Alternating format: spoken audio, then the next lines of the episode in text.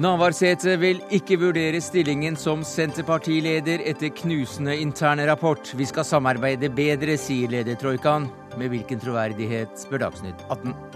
UD kaller hjem ambassadeansatte fra Sør-Sudan. Utenriksministeren forteller hvorfor. Likestillingen skrus tilbake av Høyre-Frp-regjeringen, hevder Ap. Elleve stortingsrepresentanter pepret Solberg og sju statsråder med spørsmål om kvinnenes stilling i dag. Og Venstre sier nei til å fjerne ostetollen. Mer om det i Dagsnytt 18.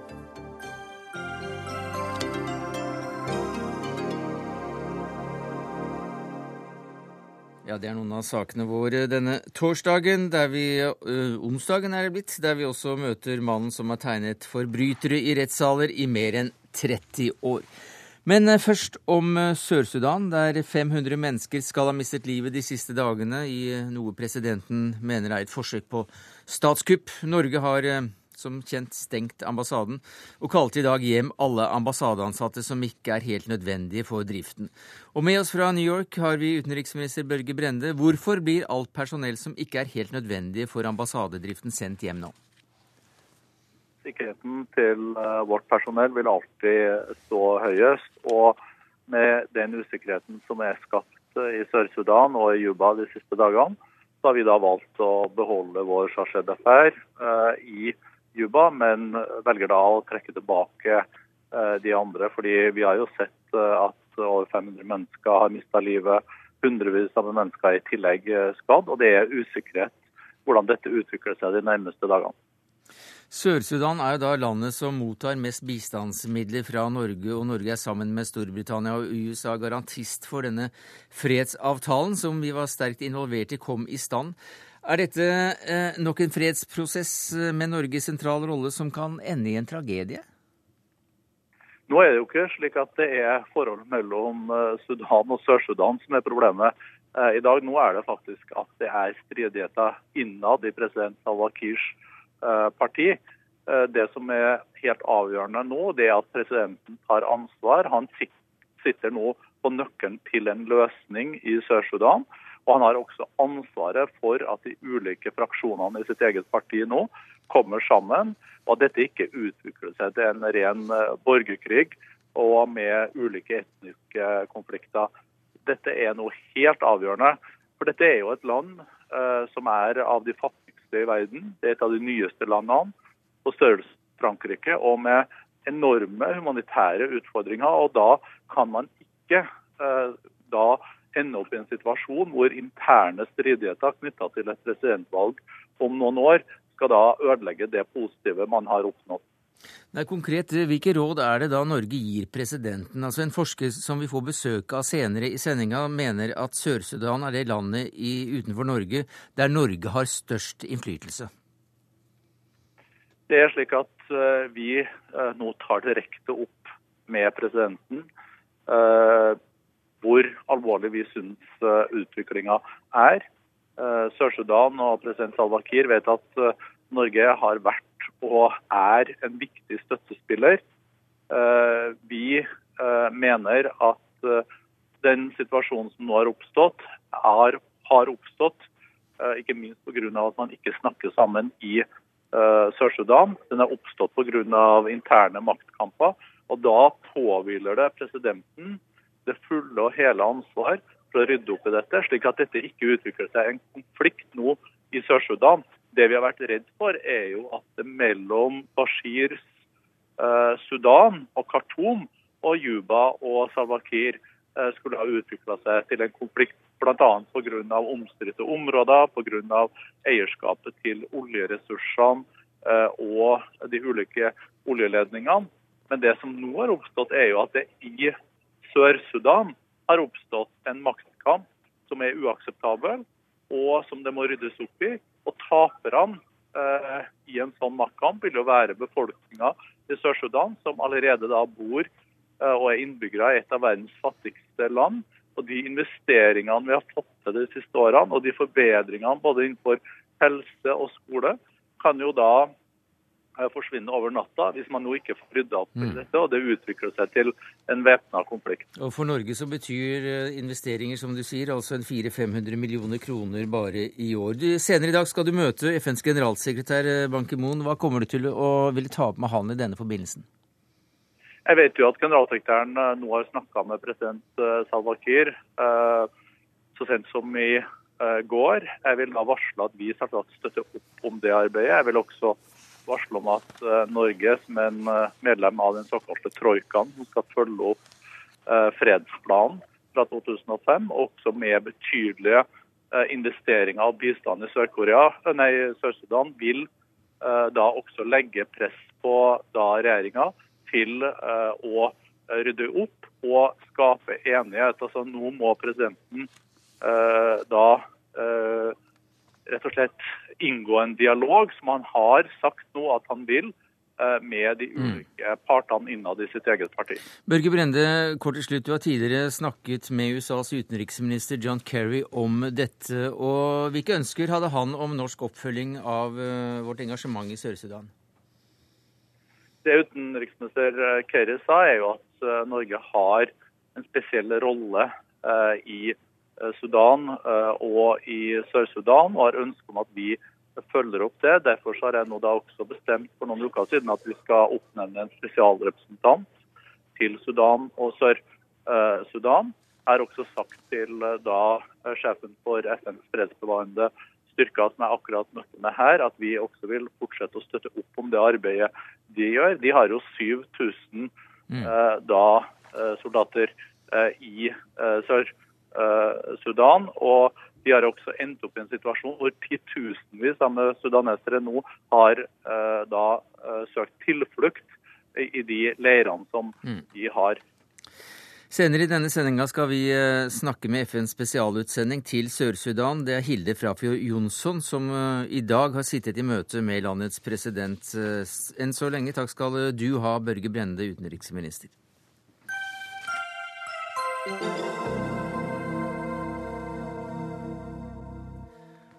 Ja, I dag har altså det som er blitt kalt Senterpartiets havarikommisjon eh, kommet med sin rapport om hva som gikk galt før og under valgkampen, og som da førte til partiets laveste oppslutning ved et stortingsvalg noensinne.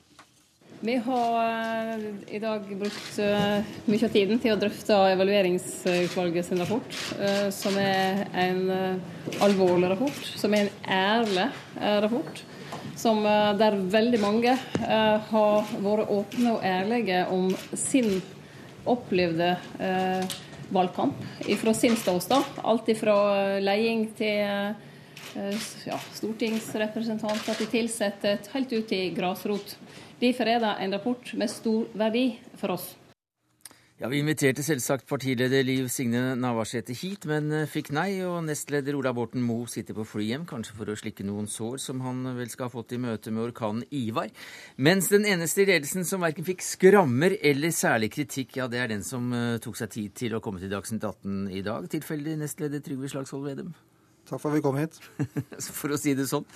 Du er hjertelig velkommen. Hva i rapporten rammer ledelsen hardest, etter din mening? Nei, altså det som Først vil jeg si en ting. da, at eh, Vi har etter hvert valg en sånn åpenhetstradisjon. Å ha åpne evalueringer. Og, og, det er jo selvfølgelig også litt krevende, for når du har åpne evalueringer, så kommer alle sider fram. Ja. Og en av de tingene som kommer fram i forhold til eh, ledelsen i, i, dag, var at vi ikke har vært for godt samsnakka en del ganger. At noen ganger at når vi har hatt politiske uenigheter i ledelsen, så har vi ikke klart å ha gode nok avklaringer. Og at vi dermed har gitt uh, uklare signaler ut i organisasjonen. Og det, det er en virkelighetsoppfattelse som både Liv Signe Navarsete, Ola Borten Moe og jeg deler. At eh, når vi har politiske uenigheter, så må vi bli enige, bli trygge på hva som skal være vårt standpunkt, og gjennom det også spre trygghet nedover og bortover i organisasjonen.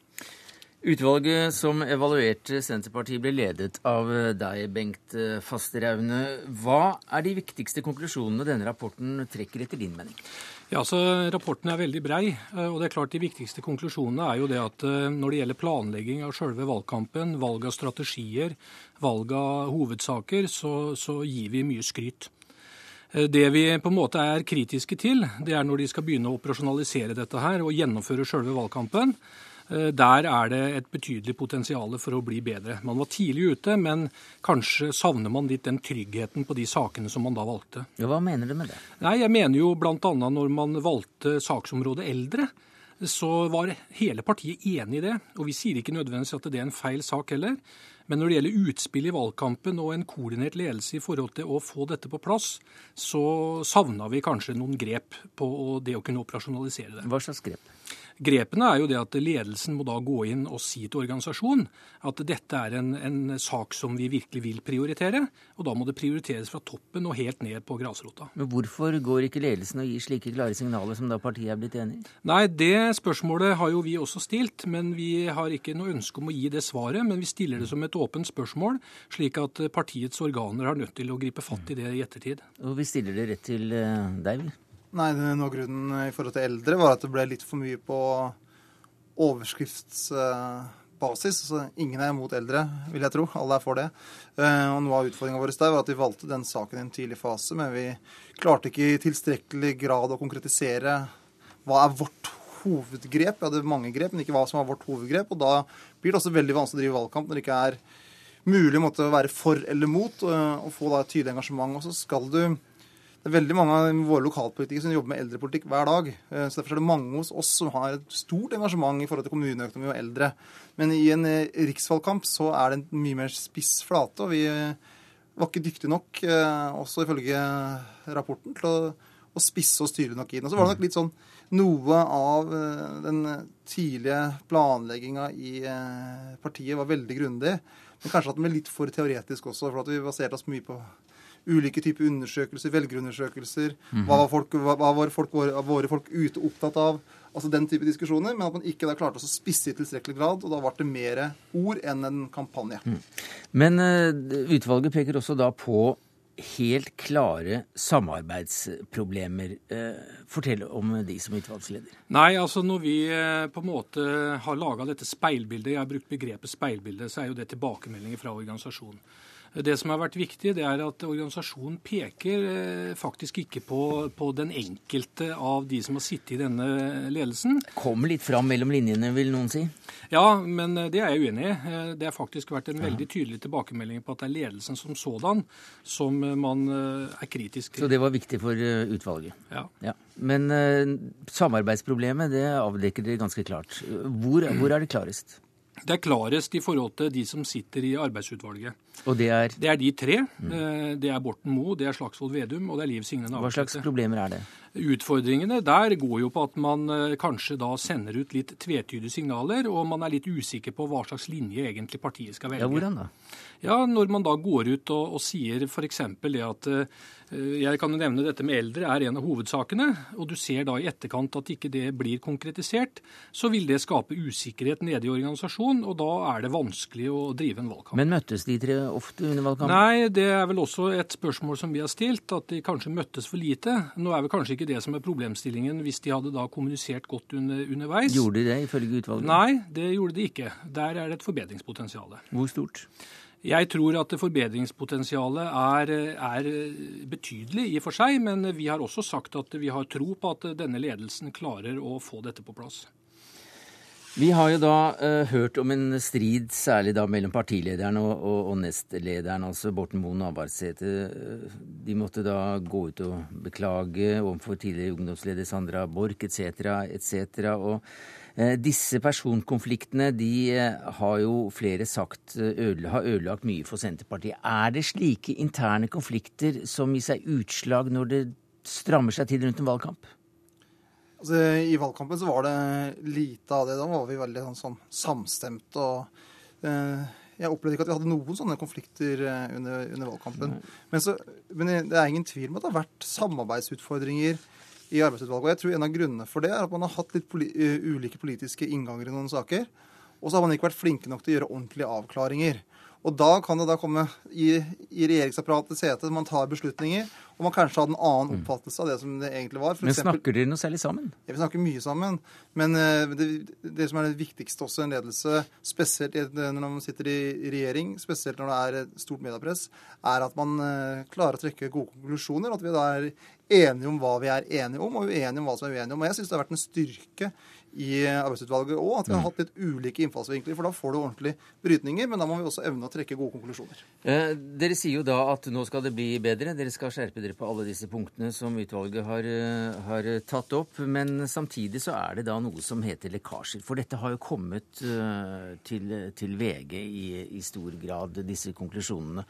Eh, Navarsete sier selv at dette er mye mer skadelig enn den eventuelle konflikten hun har hatt med, med Borten Moe. Og til NRK sier hun at uh, lekkasjene, sitat, uh, de, som, de som lekker, de, de, ønsker tydeligvis å skade meg.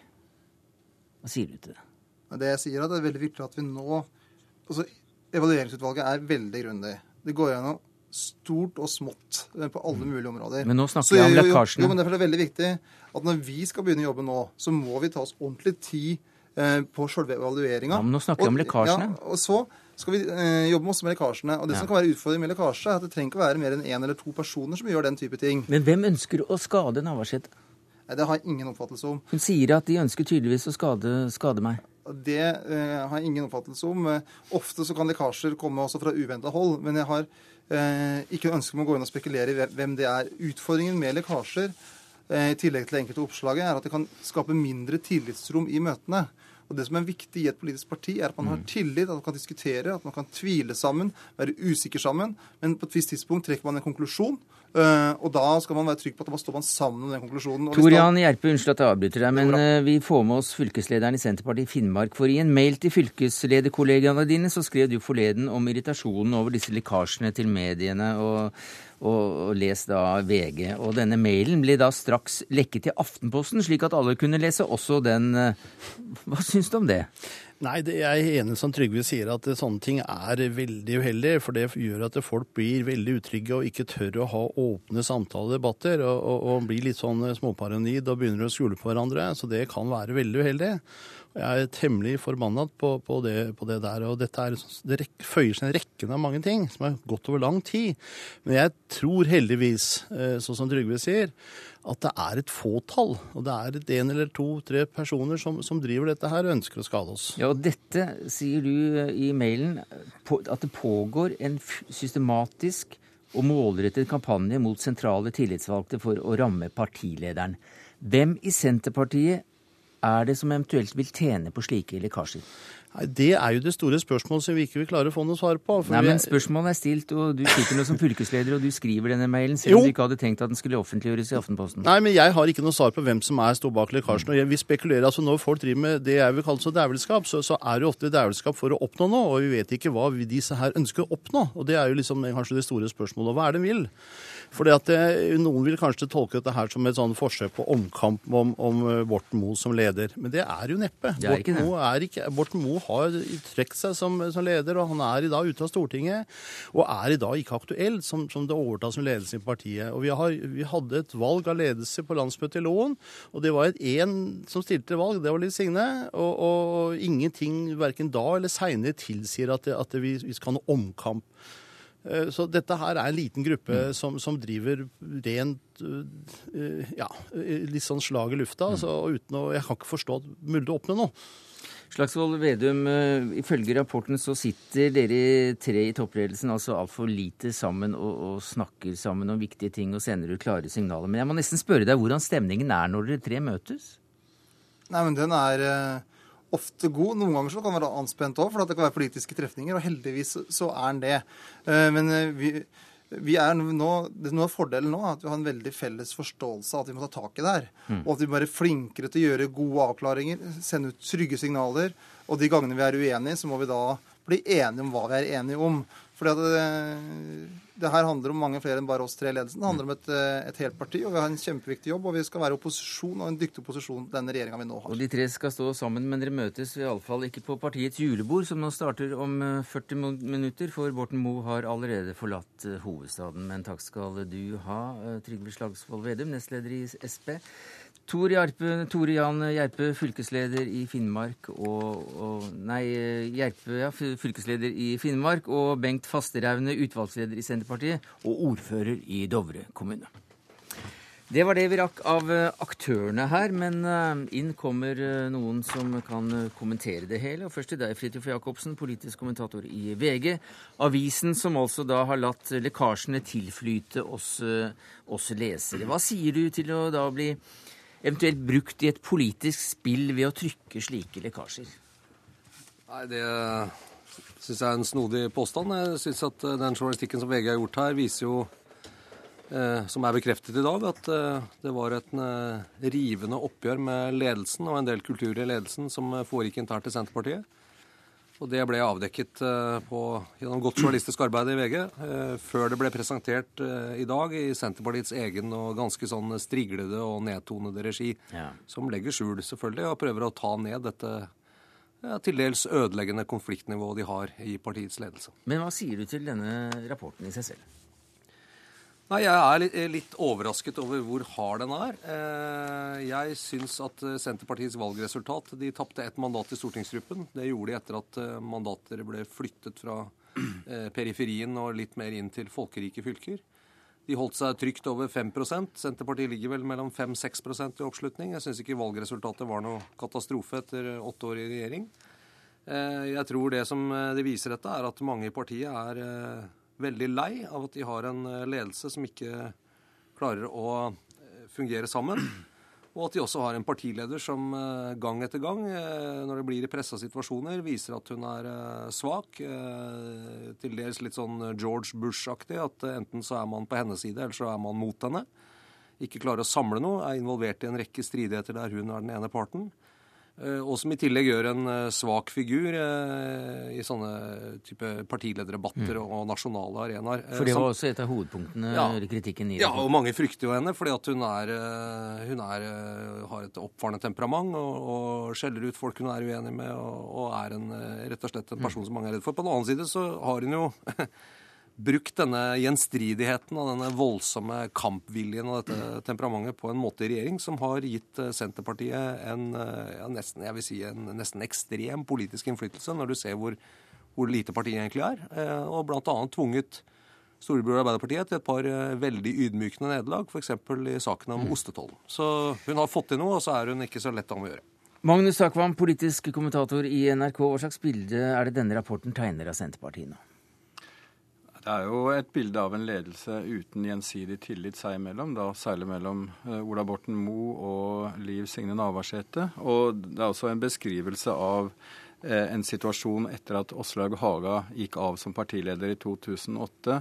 Eh, etter det har veldig mye av håndteringen bestått nærmest av krisehåndtering i partiets toppledelse. Og vi kan jo ramse opp alle de krisesakene som har dukket opp med økonomisk snusk i forhold til fornybar energiprogrammer. Det har vært eh, eh sinneutbrudd i Nordfjordeid, i lokalsykehuskonflikt. Det har vært eh, konflikt med Sandra Borch i forhold til utskjelling osv. Hele tiden har, har oppmerksomheten blitt eh, vendt mot den typen krisehåndtering. Og det, det, det, det er en del av forklaringen på, på partiets dårlige valg. Men er dette da et uttrykk eh, for en reell splittelse i partiet når det gjelder eh, ren politikk? Altså Er det en høyre-venstre-akse som slåss eh, i partiet, og som da gjenspeiles i en kamp mellom, mellom lederne? Trønder mot sogning, er det Vestlandet, Trønder, Trøndelag? Miljøfriks mot petrofile? Ja, Det er litt vanskelig å si hvor sakene slutter og person- og, og fraksjonsstriden begynner. Eh, og sånn vil det alltid bli. Jeg tror du har eh, i hvert fall hatt en veldig klar eh, front mellom Ola Borten Moe og Liv Signe Navarsete. Og så har man plassert seg litt forskjellig politisk fordi det også har passet inn i det store bildet at du har to fløyer i partiet. Men vet, Senterpartiet er jo et, er et litt snodig parti, fordi det så til de grader er et politisk redskap for ganske konkrete interesser i samfunnet. Både når det gjelder distriktspolitikk og landbruk. Og det vil si at En partiledelse Senterpartiet er nødt til å levere for disse interessene jevnt og trutt for å sitte trygt. Jeg tror Grunnen til at Navarsete eh, har sittet gjennom alle disse krisene, bl.a. den helt hårreisende saken med ulovlig partistøtte, som jeg mener er helt i grenselandet mot korrupsjon, og som i et ja, sånn moralsk sett mener jeg burde kostet en partilederjobben, bare fordi det er så, det er, det er så langt inn i, i, sånn vi ikke vil ha det i norsk politikk. Men hun har blitt sittende fordi at hun har levert eh, for de viktige gruppene sine. Og jeg tror ikke per i dag at eh, Ola Borten Moe eh, har nok støtte verken i partiet eller i de viktige interessegruppene, f.eks. Bondelaget eller ting utenfor, til å velte henne fra tronen. Og jeg tror heller ikke de mener, så vidt jeg kan forstå, at de er tjent med noe sånn opprivende lederskifte nå. Men samtidig så blir jeg ganske overrasket hvis ikke hun går av på landsmøtet i 2015. For jeg tror nok at i partiet virker det som en ganske sånn Eh, ja, Mange sier i hvert fall at hennes tid er over som partileder, men nå er det om å gjøre å få til en myk overgang til neste leder, som kanskje kan være Vedum, hvis de kan andre melder seg på. Og Hva sier folk som står partiet nært om eh, eventuelt en slik overgang?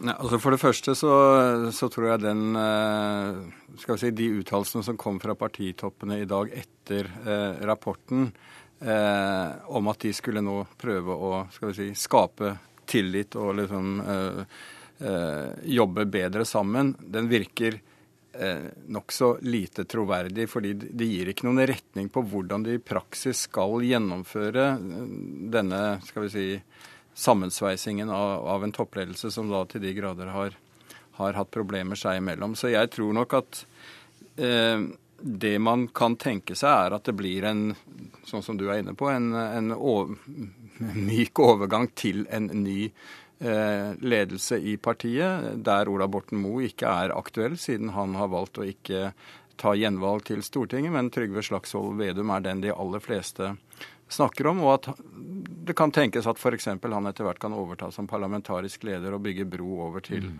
eh, at han eventuelt blir valgt da i 2015. Det er én måte å gjøre det på. Men sitter de tre som en troika så lenge? Ja, de sitter, jeg, jeg, Alt tyder på at de sitter eh, formelt som, eh, som eh, toppledelse fram til eh, landsmøtet i 2015. At det ikke blir et ekstraordinært landsmøte eller noe i den stilen. Men som sagt at det blir en slags eh, glidende overgang til en ny partiledelse for å vise at, at eh, skal vi si, noe skjer, og, og fronte partiet mm. på en annen måte. Takk skal du ha, Magnus Takvam, politisk kommentator i NRK, Fridtjof Jacobsen, politisk kommentator i VG.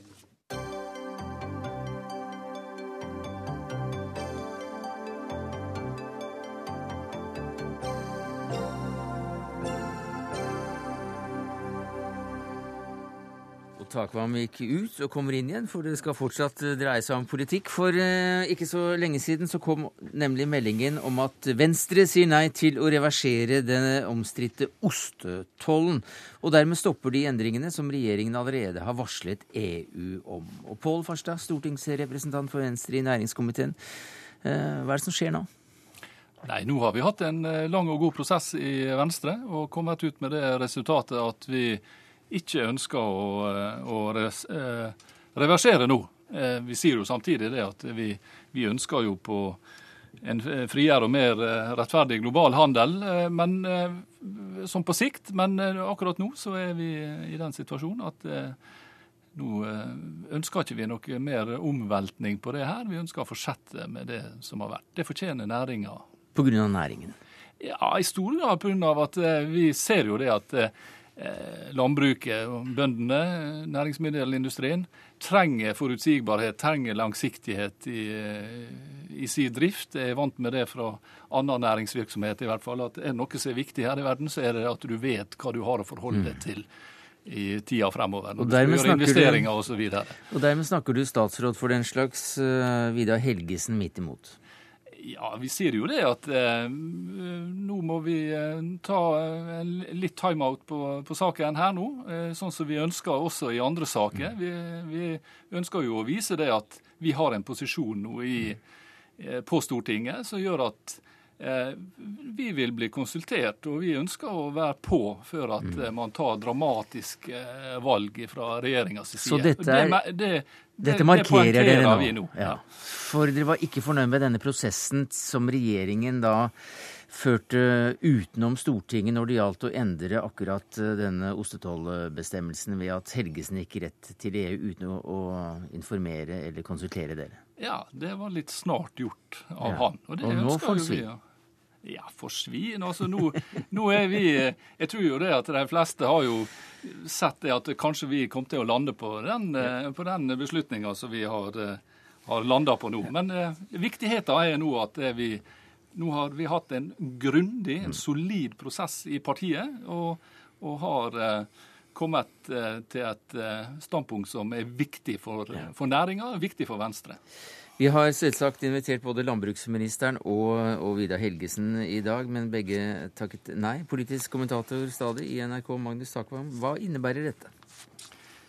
Det innebærer at uh, Vidar Helgesen kan glemme det han uh, nærmest lovte i Brussel, og arbeide for en uh, tilbakeføring til det gamle tollregimet av disse omstridte ostene. Eh, nå sier jo riktignok Helgesen at han aldri har forskuttert hva konklusjonen ville bli, men det er en, eh, det er en klar eh, advarsel fra partiet Venstre om at de vil bli konsultert i den typen eh, saker. Og jeg tror også det er en måte for Venstre å få eh, inntak i eh, landbrukspolitikken på, fordi Kristelig Folkeparti har, har på mange måter stilt seg i i en fløyposisjon når det gjelder landbrukspolitikk. Og Venstre signaliserer med dette at de er interessert i å bli på en måte mindretallsregjeringens partner på, på en del områder i, i, i, landbrukspolitikken. Og jeg tror kanskje at Sylvi Listhaug egentlig er fornøyd med dette. For det gir hun, henne jo en, en, en, en, plattform i Stortinget, så hun slipper å liksom, eh, gå til konfrontasjon med landbruket i det første landbruksoppgjøret som, som kommer til våren. Så aldri så galt for regjeringen, så godt for noe? Ja, i den sammenheng så, så, så, så vil jeg mm. si det. Men dette peker også framover mot, uh, mot, hva da, når det gjelder forholdet mellom regjeringen og slike partier som, som Venstre?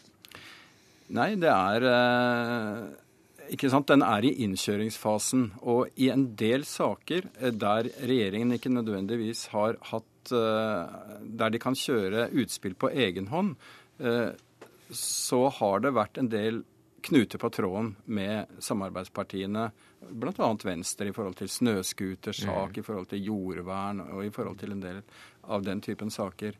Nå markerer da Venstre i denne omgang at vi vil eh, bli konsultert, og dere, dere, kan ikke bare overkjøre og overse oss.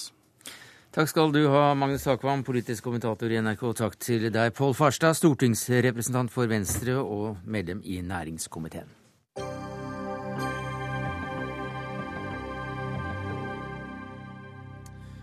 Vi skal uh, snakke om uh, Vi skal snakke om likestilling her. For på Stortingets eh, siste, i Stortingets siste spørretime før jul så teppebombet, som det er blitt kalt, elleve Arbeiderpartirepresentanter regjeringen med spørsmål om pappaperm, barnehager, kjønnskvotering og kjønnsdelt arbeidsmarked. Og Helge Peder, Helga Pedersen, nestleder i eh, Arbeiderpartiet, hvorfor denne aksjonen? Fordi at eh, Høyre og Fremskrittspartiet i realiteten er i ferd med å avvikle norsk likestillingspolitikk. Og det er en stor bekymring for oss. Det er med på å redusere valgfriheten til kvinner og menn. Og det er særlig to trekk eh, som eh, gjør meg og partiet mitt bekymra. Det er jo for, det første at Høyre og Fremskrittspartiet har en manglende erkjennelse av at frihet for enkeltmennesket krever at du både kan være økonomisk uavhengig samtidig som du har mulighet til å ta deg av familie, barn barn. Eh, og det andre er jo en av de store debattene denne høsten, nemlig angrepet på kvinners rett til selvbestemt abort. Solveig Horne, barne-, og likestillings- og inkluderingsminister. Eh, hva sier du til dette engasjementet? Nei, Det er jo et veldig engasjement som vi har hørt de siste to ukene da, på at uh, den nye regjeringen vil reversere likestillingen. og det, Den bekymringen der deler jeg overhodet ikke. Likestilling i Norge det handler om mer enn en eh, fire uker pappaperm og en tusenlapp ekstra i kontantstøtte. Det handler om mange andre ting som ikke bare går på mitt departement, men som går på alle feltene som foregår i bedriftene og som foregår ute i kommunene. Og Det er viktige satsingsområder som denne regjeringen tar på aller høyeste alvor. Og, med den politikken som vi skal føre på, på likestilling nå, så vil vi òg ta likestillingen videre fram i Norge. Pedersen. Jeg er jo helt enig i at eh, likestillingsarbeidet må foregå på mange forskjellige områder. og Derfor er det jo ille at den eh, nye regjeringa også går til angrep på likestillingsarbeidet på mange forskjellige eh, områder. Samtidig med at Høyre og Fremskrittspartiet øker kontantstøtten og skal utvide den til også å omfatte toåringer, så kutter de i neste års budsjett 7000 barnehageplasser og øker maksprisen i barnehagen. Det reduserer valgfriheten for barnefamiliene, fordi at det gjør det vanskeligere å kombinere arbeid og barnehage barnehageplass. Det hører jo også med til historien at mens vi eh, til neste år eh, la opp til at man skulle eh, begynne å innfase to årlige barnehageopptak, så reverserte regjeringa det, til tross for at de gikk til valg på løpende barnehageopptak. Altså at du skulle få plass med en gang du trengte det. Ja, det som denne regjeringen gjør nå, det er at vi satser veldig mye på skole. Og det å få kvalitet i skole og få kvalitet i barnehagene, det er to viktige satsingsområder for denne regjeringen. Samtidig som vi har gått til valg på, og det er nok hardt for noen politikere å forstå at de har tapt et valg, men velgerne våre har gitt oss en tillit på å gi familien et større valgfrihet, større fleksibilitet, med at de nå skal eh, få en økt del som, som de skal selv få lov til å fordele når det gjelder foreldrepermisjon. Så er det viktig at vi har fokus på likestilling framover på de utfordringene vi har. Og en av de viktigste grunnene der, det er jo den uh, ufrivillige deltid som vi ser i arbeidslivet, som vi er nødt til å få bukt med. Det å få utdannings, uh, utdanningsvalgene, få opp uh, statusen på yrkesfagene, på omsorgsyrkene. Og derfor er det viktig å satse på skole, som denne regjeringen gjør, som er en viktig bidrag inn i hele den ikke ut som noen ren reversering. Jo, eh, det er jo Men hva er det som er reversering? Jeg, jeg syns det er ganske spesielt at Høyre og Fremskrittspartiet skyver velgerne foran seg når de skal forsvare kutt i barnehagen. Man kutter altså 7000 barnehageplasser til neste år, og man øker barnehageprisen. Det var ikke noe velgerne ba om. Tvert imot gikk Høyre og Fremskrittspartiet til valg på at man skulle øke kvaliteten i barnehagen.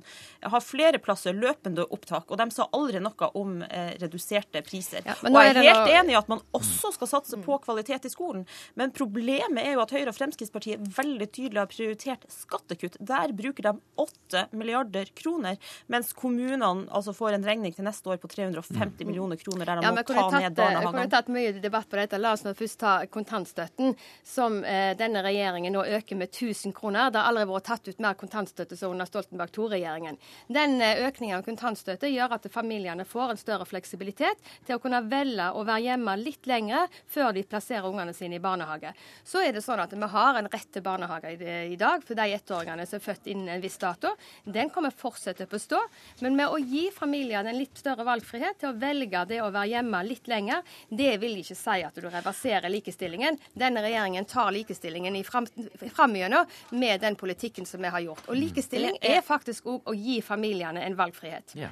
Jeg er helt enig i at vi skal gi barnefamiliene valgfrihet. og Derfor har den regjeringa som mitt parti var medlem av i åtte år, nettopp satsa på barnehageutbygging. Barnehageplass til alle, den rettighetsfestinga som Solveig Horne nå er veldig fornøyd med. Men vi er jo ikke i mål, i og med at høstbarna må vente nesten ett år. Derfor prioriterte vi det i neste års budsjett. Det har altså Høyre og Fremskrittspartiet reversert. Det gir faktisk ikke mer valgfrihet til familien. Det gir mindre valgfrihet. Og la oss ta arbeids... Ja, det, som, det som regjeringen la, eller Stoltenberg la inn i sitt budsjett, det var at de flytta en, en, fiktiv, eller en dato to måneder lenger fram i tida. Det er òg viktig å gi faktisk større likebehandling av private og offentlige barnehager. Og Nå skal ikke jeg gå inn på utdanningsministeren sin felt, men det å satse på, på kvalitet i barnehagene, eh, med å gi anledning til at familiene kan velge i en liten periode Det er jo ikke sånn at vi skal kaste kontantstøtten etter, etter familiene, men at det er en valgfrihet. Det er noe som faktisk velgerne og familiene etterspør, som denne regjeringen imøtekommer. Og da må du ha noe å velge mellom. Når dere kutter ja, i barnehage, så reduserer ja. dere muligheten til å velge barnehage. Og 1. november men... var jo ikke en fiktiv nei.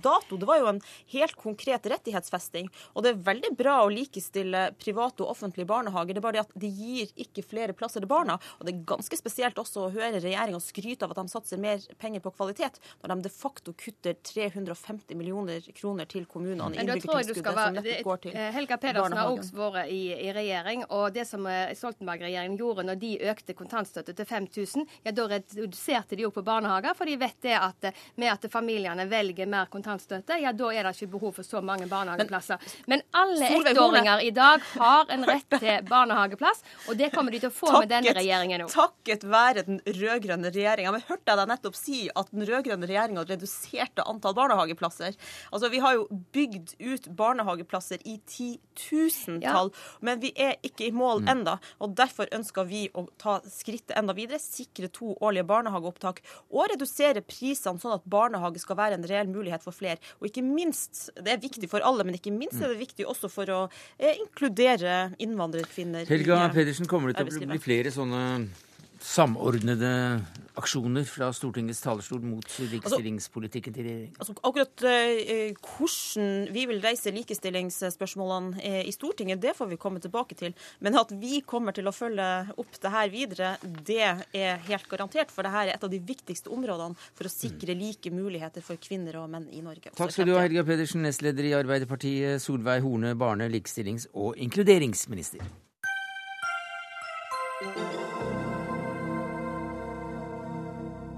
Og vi skal tilbake til situasjonen i Sør-Sudan. For tidligere i sendinga så hørte vi jo Børge Brende, utenriksministeren, fortelle hvorfor ansatte ved ambassaden trekkes ut av landet.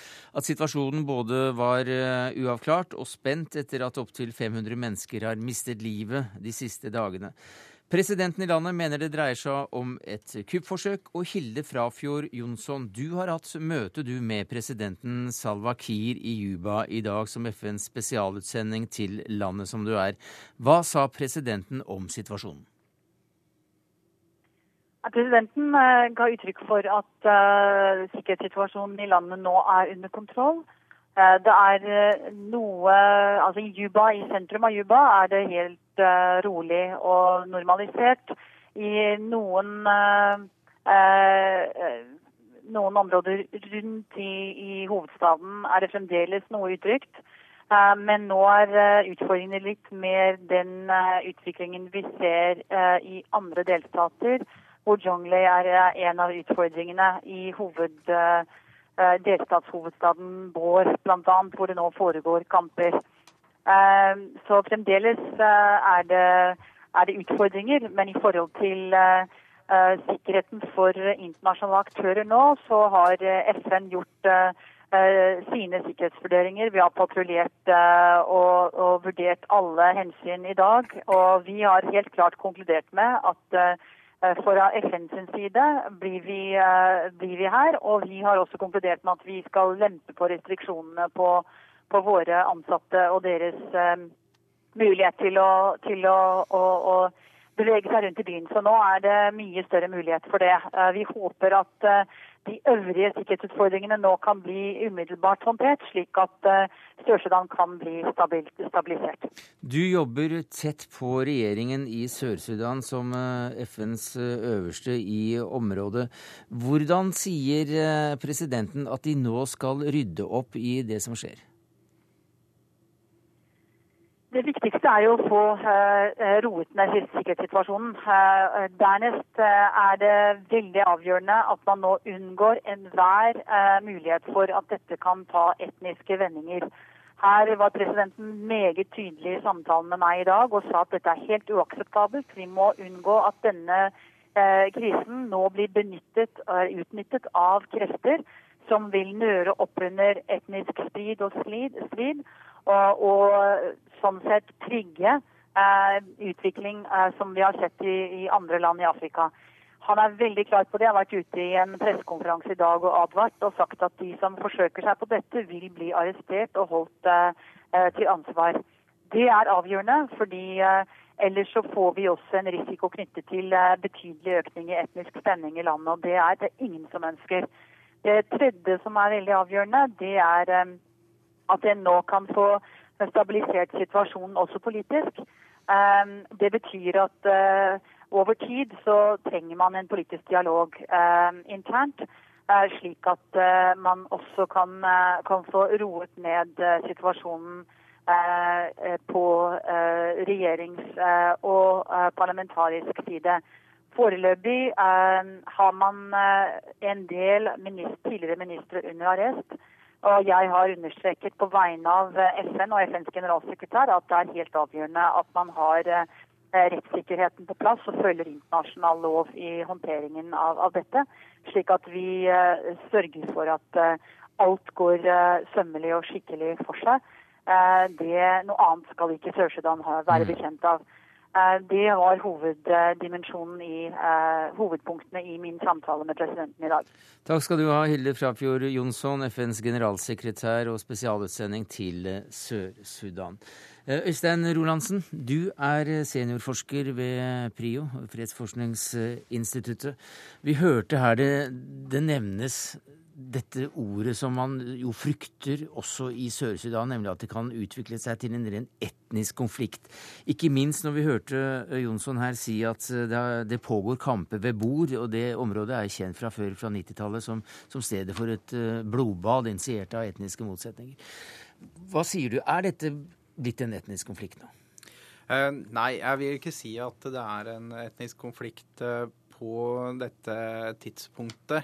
Uh, det er Altså, jeg er veldig enig i de punktene som kom ut, som Hilde hadde her. Altså at det er, det er et stort mobiliseringspotensial i de etniske motsetningene, eller potensielle motsetningene i Sør-Sudan. At politikere som da ønsker har ulike agendaer ønsker, kan bruke, kan oppildne nøre opp under dette her, sånn, og bruke det til sine egne formål. Men, men, i utgangspunktet er det ikke etnisk konflikt det dreier seg om? Jeg vil ikke si det. Altså hvis du ser uh, det som Det er jo først og fremst en maktkamp innad i uh, regjeringspartiet i Sør-Sudan dette her sånn dreier seg om. Og hvis man da ser på de to fraksjonene som har utkrystallisert seg, da på den ene siden med president Salwa Kiir i spissen, og på den andre siden da tidligere visepresident Riek Mashar på den andre siden. Som så, fikk sparken i sommer? Som fikk sparken i sommer, nettopp fordi han da kritiserte lederskapet til eh, presidenten. Og det, det viser jo ikke et veldig godt samarbeidsklima innad mm. i presidentskapet, kan man trygt si. Men saken her er jo at på begge sider av denne fraksjonen så har du da folk fra, veldig, fra ulike etniske grupper. Og de har jo hver for seg mobiliseringspotensialet, men i utgangspunktet så Eh, er dette en strid om makten eh, i Sør-Sudan og i det regjeringspartiet? Ja, Hva slags strid er det? Altså, er den ene mer høyrevridd, venstrevridd? Er det snakk om eh, personlig gevinst? Er det klansystemer? Hva, hva er det denne bunner i? Det er, det, er, det er, litt sammensatt. Det ligner jo ikke så veldig mye på norsk politikk sånn sett. Altså, det, er, det er veldig mye mer en rein maktkamp. Altså om hvem som skal være kongen på haugen, for å si det sånn. Vi begynte med Senterpartiet, så Ja. ja, ja, ja, sant nok. Uh, men, uh, men, det er jo Altså, du har jo for det første så jo, er det jo en ganske stor oljeinntekt i Sør-Sudan, så det har vært mye diskusjon rundt fordelingen av den, bruken av den, korrupsjonsspørsmål, altså ineffektivitet. Mens det som er symbolsaken her, er jo arven fra borgerkrigen. Altså her har man kjempet seg fram til frigjøring etter 22 år. Og spørsmålet er jo da Eh, hvem er det som er best skikka til å forvalte den arven, til å føre Sør-Sudan inn på et spor, et spor, hvor man da får utvikling, eh, og eh, det kommer befolkninga som sådan til gode. Det er det begge to spiller på for sin egen del, og hevder at de andre da på, i veldig liten grad er i stand til å levere det.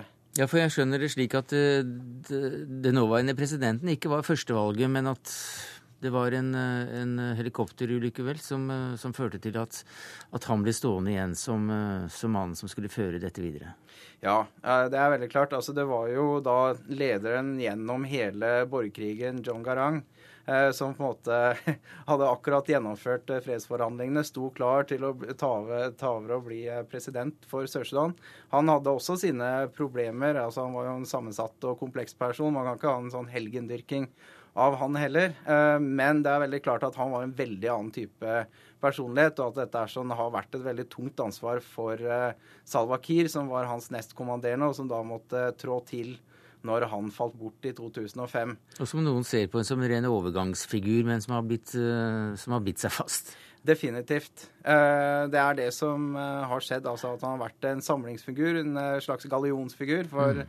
Sør-Sudans regjering. Men Eh, det i hvert fall opposisjonen hevder, er at det var en avtale om at han da skulle gå av relativt raskt etter eh, Men det gjør han ikke? ble uavhengig. Det ser ikke sånn ut foreløpig.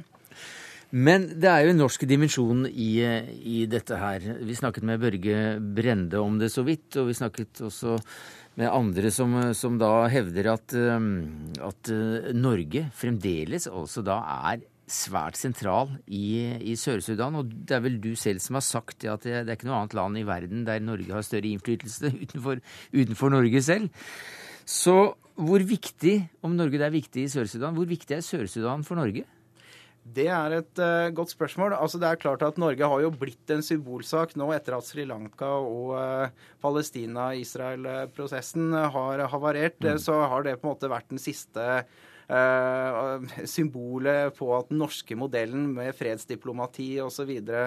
fungerer. Og det er klart at hvis eh, det går nedenom og hjem også i Sør-Sudan, eh, så vil det være et prestisjenederlag for hele den hva skal jeg si, norske tanken rundt utenriks fredsdiplomati. Ja. og eh, den satsinga man har hatt da både på å bruke forskere som meg, bruke eh, eller altså frivillige organisasjoner og diplomati og politisk engasjement i en sånn samla eh, anstrengelse i eh, veldig fokuserte områder for å prøve å forandre, eh, forandre situasjonen. For du selv var vel ikke så veldig langt fra grøtfatet da, da disse fredsforhandlingene pågikk, og Frafra Jonsson ble en sentral figur i denne troika Norge, USA og, og Storbritannia. Er det noen jeg vet ikke om du da er den rette til å si om, om denne fredsprosessen eller fredsavtalen kan kritiseres ved å ikke å, å, å gi rom nok for, for et mangfold inn i eh, sørsudansk eh, styre og stell? Um, ja. Men du får i hvert fall spørsmålet. Ja, nei, takk for det. Uh, jeg vil nok si at i utgangspunktet så, så, så det var altså det var en prosess, fredsforhandlingsprosess som tok tre år. Uh, og det var veldig mange kriser underveis. Det var også da voldshandlinger. Og det er veldig mye som tyder på at man var ganske nærme å få den beste avtalen man faktisk kunne få. Uh, det som har vært den sterkeste kritikken, har jo da vært hva som ble skjebnen til de landene nord, eller altså områdene nord for uh, Sør-Sudan, altså i Sudan Mm. selv og i disse andre, i Darfur, som vi jo kjenner godt fra media, og også da i Sør-Kordofan, Nubafjellene, Blånilen. Eh, og de områdene der sånn som da ikke fikk eh, en tilsvarende avtale som Sør-Sudan fikk. Men, men, men, ingen direkte link til eh, fredsprosessen og fredsavtalen i det som nå skjer? Uh, nei, altså det er jo utover det at eh, det, fredsprosessen sørga for at Sør-Sudan ble et eget land. Det var Eh, vel også meningen? Ja. eh, Det, det var, tanken var jo at man egentlig skulle gjøre det attraktivt for Sør-Sudan være en del av Sudan. Men eh, det, sånn eh, gikk det jo ikke. Sånn gikk det ikke. Så får vi se hvordan det går nå. Øystein Rolandsen, seniorforsker ved PRIO. Takk skal du ha.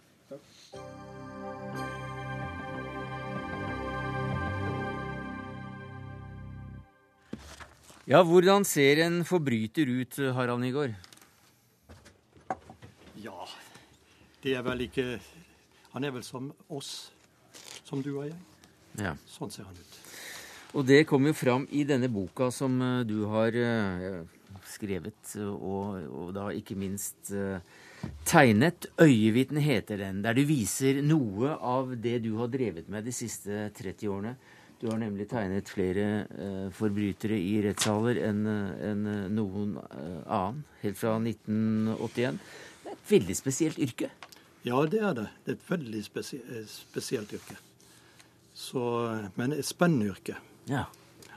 Hvordan går du fram når du setter deg ned for å dekke f.eks. Uh, et, eh, en Orderud-sak? Ja, det første jeg gjør Jeg, må liksom eh, planlegge opplegget. Så jeg begynner alltid kvelden i forveien. Og vite hvordan kommer de til å sitte der. Hva som skjer.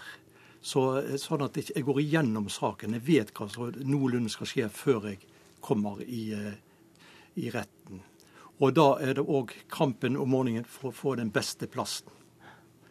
Det er viktig. Og når jeg kom så langt at jeg har fått den beste plassen, og funnet den stolen jeg vil sitte på, da puster jeg lettet ut.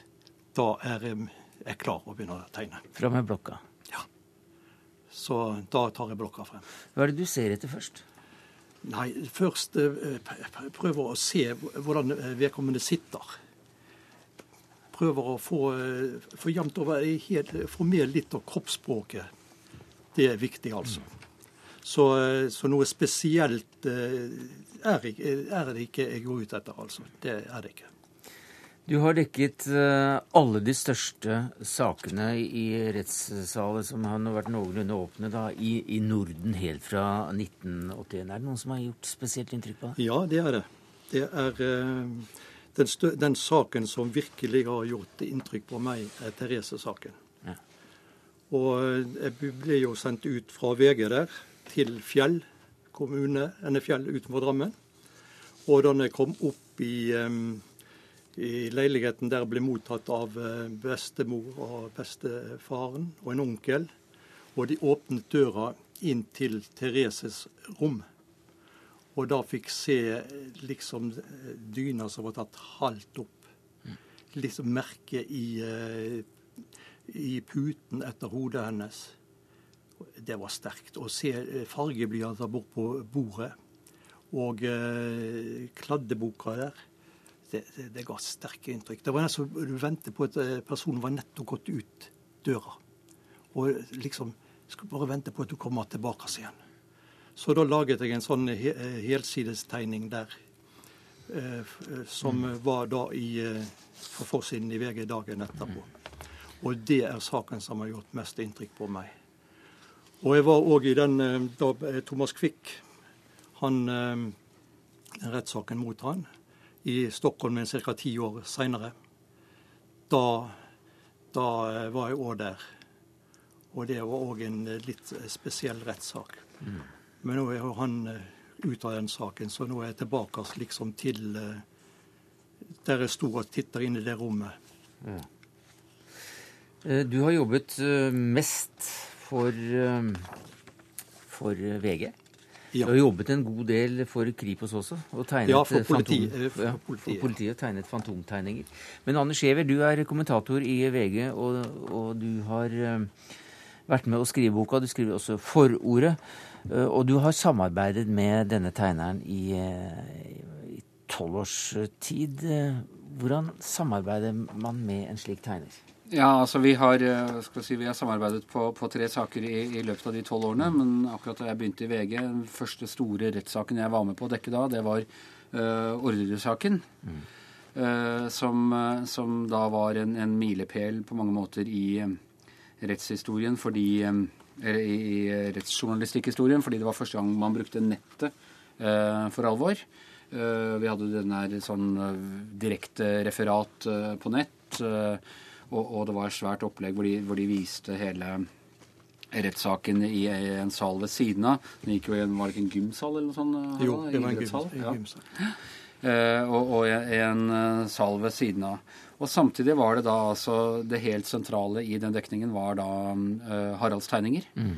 Og det hadde vært under, under hele oppløpet til ordresaken, fordi det var bl.a. Uh, Lars Grønnerød, en av de tiltalte, var det jo ikke noe annet bilde av enn den tegningen Harald hadde laget i Eh, i forhørsretten. Så der kommer en tegner inn som et eh, viktig bidrag? Ja, helt. Altså han var en identifiserende. Ja. altså det var, det var, sånn vi eh, i VG identifiserte Uh, identifiserte akkurat, akkurat uh, den tiltalte. Så vi jobbet sammen da. Uh, så sluttet Harald noen år etterpå, men har vært, kommet tilbake på noen av de største sakene. Så vi jobbet sammen på 22. juli og, og på Øygard-saken. Det var vel 22. juli vi jobbet tettest, for da sto mine kommentarer til mm. dine tegninger de første ukene. Men hvordan kommer menneskene fram, syns du? Du har jo sett dem selv i rettssalen. og og det er forferdelige ting de har gjort. Ja, og, og altså, det er jo det som virkelig eh, imponerer meg aller mest med, uh, med Haralds tegninger, og, og, og, som var på en måte slik jeg la merke til ham første gang. Jeg begynte å, altså man sier at, Noen sier at de leser Dagbladet pga. kultursidene, og jeg begynte å lese VG pga. Pga. krim og, og rettsstoff i sin tid. Mm. og Det var denne Hadeland-saken, nynazistdrap tidlig på 80-tallet, som en av de første store sakene til Harald også. Mm. Og da er det jo altså når da, Vi hadde lest alle disse fæle historiene om nynazister og, og sånne ting, mm. og så ser du de veldig menneskelige tegningene ja. uh, Harald uh, lager av dem, som på en måte har humanisert ikke bare VGs, men norsk rettsdekning i det hele tatt. Det er verdighet her. Ja. Det er viktig?